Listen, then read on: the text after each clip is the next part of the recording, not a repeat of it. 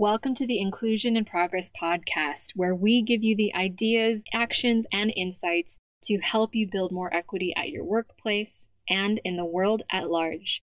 I'm your host, Kay Fabella, international expert on diversity, equity, and inclusion, a Filipino American living in Spain, and your guide in navigating this DEI journey.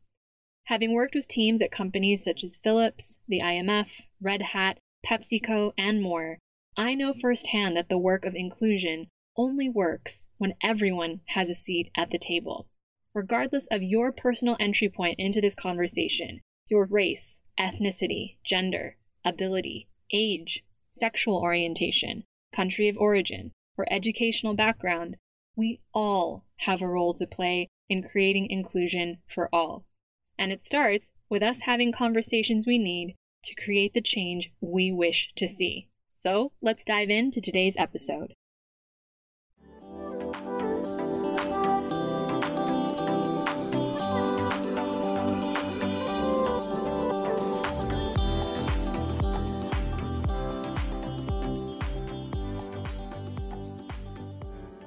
Meta, Netflix, Amazon, Spotify, Google, or the artist formerly known as Google, aka Alphabet. We've been watching as some of the biggest names in tech have implemented mass layoffs for the first time since the COVID 19 pandemic began. And while it's easy to look at these headlines in numbers, there is also a very human cost that our teams are facing, both for those who are laid off and for those who are left behind. In the wake of these layoffs, how do organizations maintain employee morale for those left behind, especially when everyone is now working in a distributed environment? This is what we'll be covering on today's episode. I'm Kay Fabella, and I am a DEI consultant for remote teams.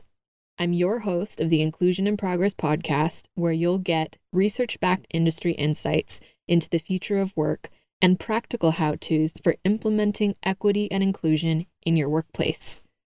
I also lead a remote team and have worked with clients across EMEA, APAC, and the Americas, which means that you will get a global perspective on how companies are supporting their distributed teams, building workplaces that work for everyone. So, in today's episode of Inclusion in Progress, we'll be discussing what workplace survival syndrome is, how it affects employee morale post layoffs, and what you and your company can do to support remaining team members after they watch their colleagues leave. So, if you've been listening to this podcast for a while and you're digging what we're throwing down, make sure you follow us on your favorite podcast app. And if you are inspired, leave us a review because that helps us get this content in front of equity minded leaders in the workplace like you. Lisa left us a review and said, Kay delivers each podcast episode in a way where it feels like you're listening to a compassionate friend.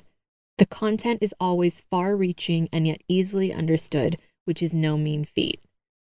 Thank you, Lisa. We appreciate your thoughtful words and are grateful for your valuable input. I often say that this is a labor of love and a team effort. Team IIP puts lots of time and energy into putting together these episodes week after week, month after month, as well as making sure each episode is free for you to access and easy to understand and implement. Every review helps us in our mission to help make workplaces more equitable and inclusive by putting these resources in front of the people leading these conversations at work. So, as I'm recording today's episode, Dell also joined that list of big tech names, announcing that they've laid off 5% of their global workforce. Salesforce laid off 10% of their employees worldwide. And Pinterest is on its second round of layoffs in less than two months. Even Zoom, which almost single handedly supported our connections and our connectivity and our game nights during the pandemic, announced layoffs too. Intuitively, we know that there are natural cycles, ebbs and flows of business. Like always, there will be another side to this recessive period. well, what some people are calling recessions in some places. Really just depends on where you are.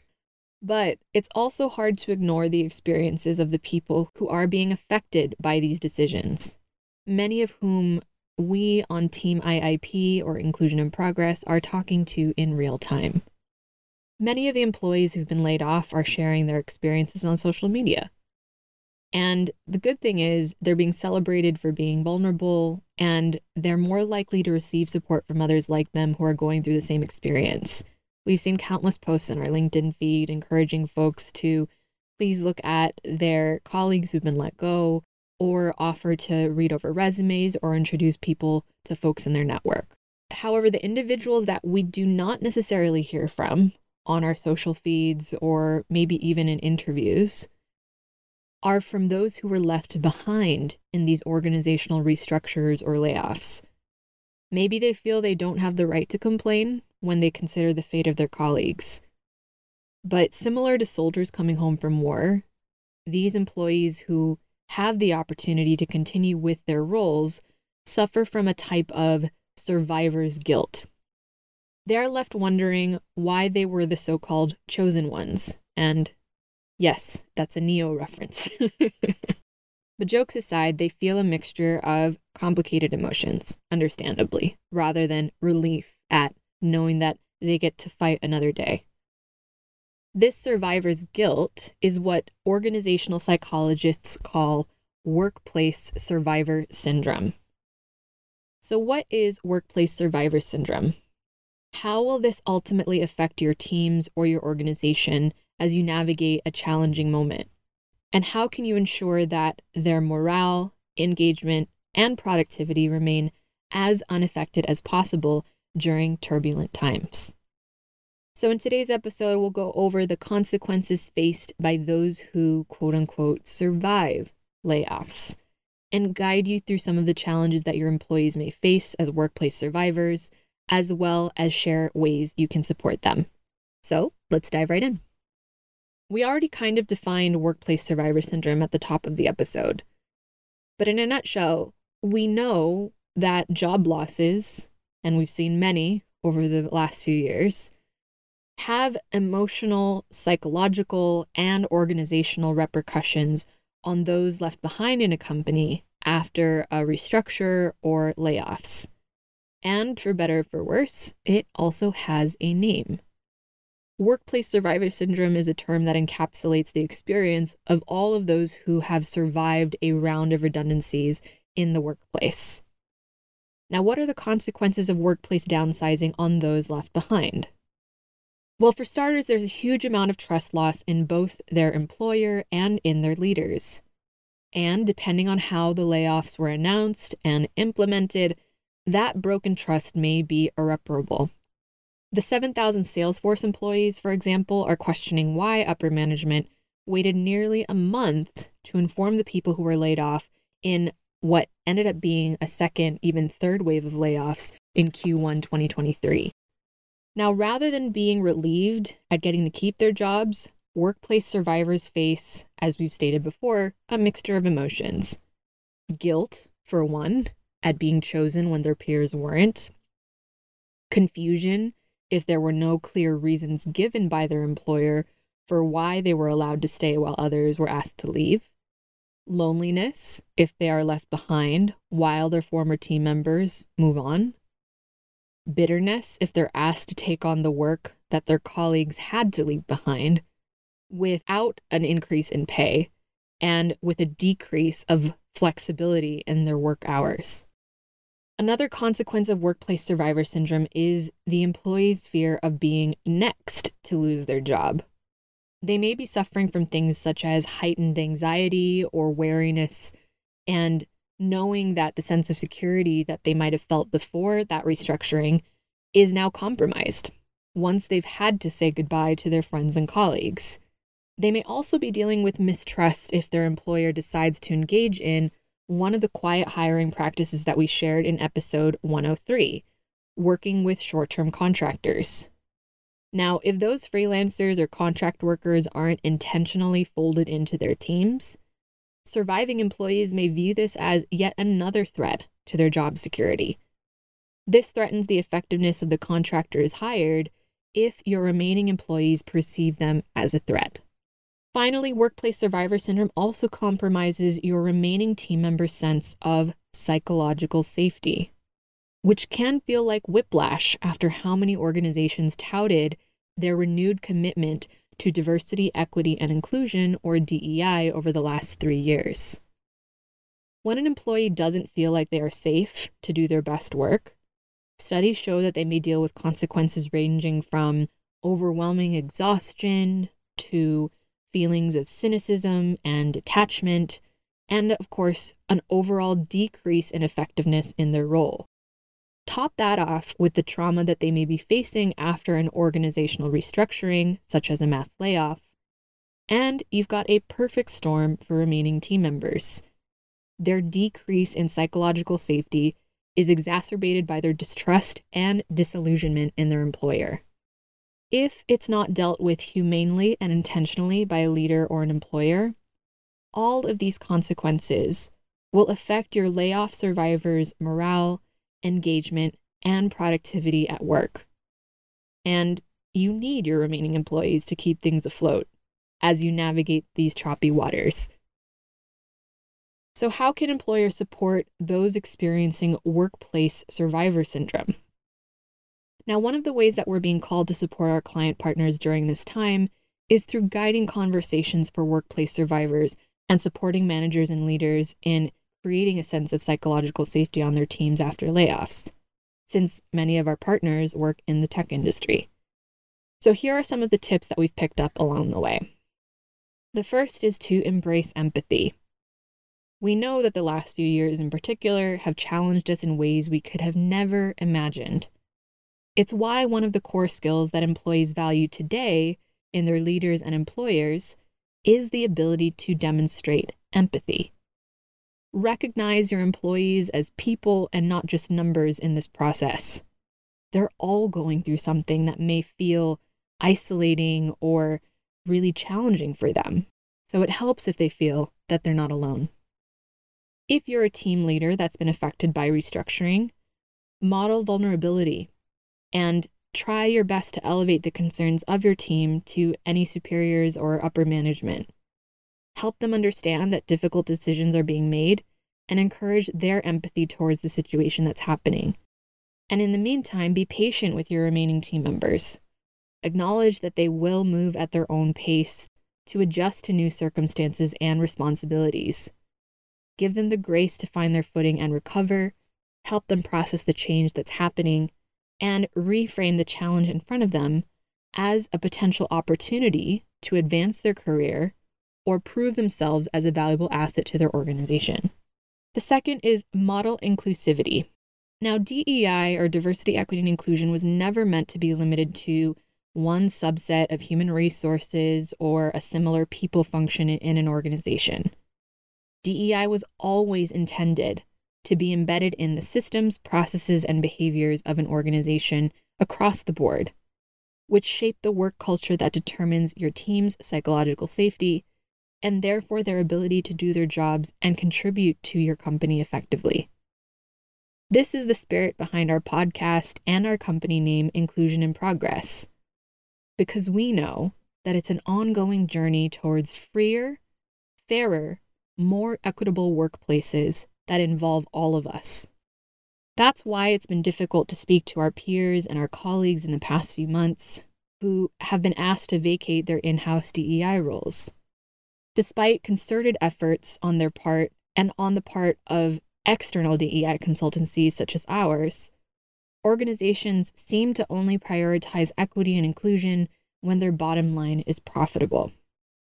As one of our colleagues at Slack said to us recently, it's a tale as old as time. The difference is that now your remaining employees are taking notice, airing their grievances, in some cases very publicly, and keeping tabs on which employers are walking their talk on DEI, which is why it's important to follow through on any promises that you've made as much as possible. Whether that be an updated benefits package or a career progression program that will be made available for your remaining team members. We've also witnessed employers modeling inclusivity by encouraging proactive rest, meaning that you emphasize things like work life balance, exercise, wellness practices that support your team's ability to recover and maintain their morale and effectiveness at work. This can be done through things like encouraging meditation and deep breathing, walking employees through the stages of grief and helping them identify where they are emotionally, upskilling team members to increase their resilience during turbulent times, or providing mental health services to employees without fear of judgment. The third is to open dialogue. Have an open dialogue with your employees. Listen to what is bothering them and help them feel heard. Open up channels that are easily accessible and are clearly two way so that they'll be encouraged to come to you with their questions, their needs, their concerns, and everything in between as you navigate an organizational restructure. Another part of modeling your company values and equity and inclusion is transparency. Be as transparent as possible with your team members.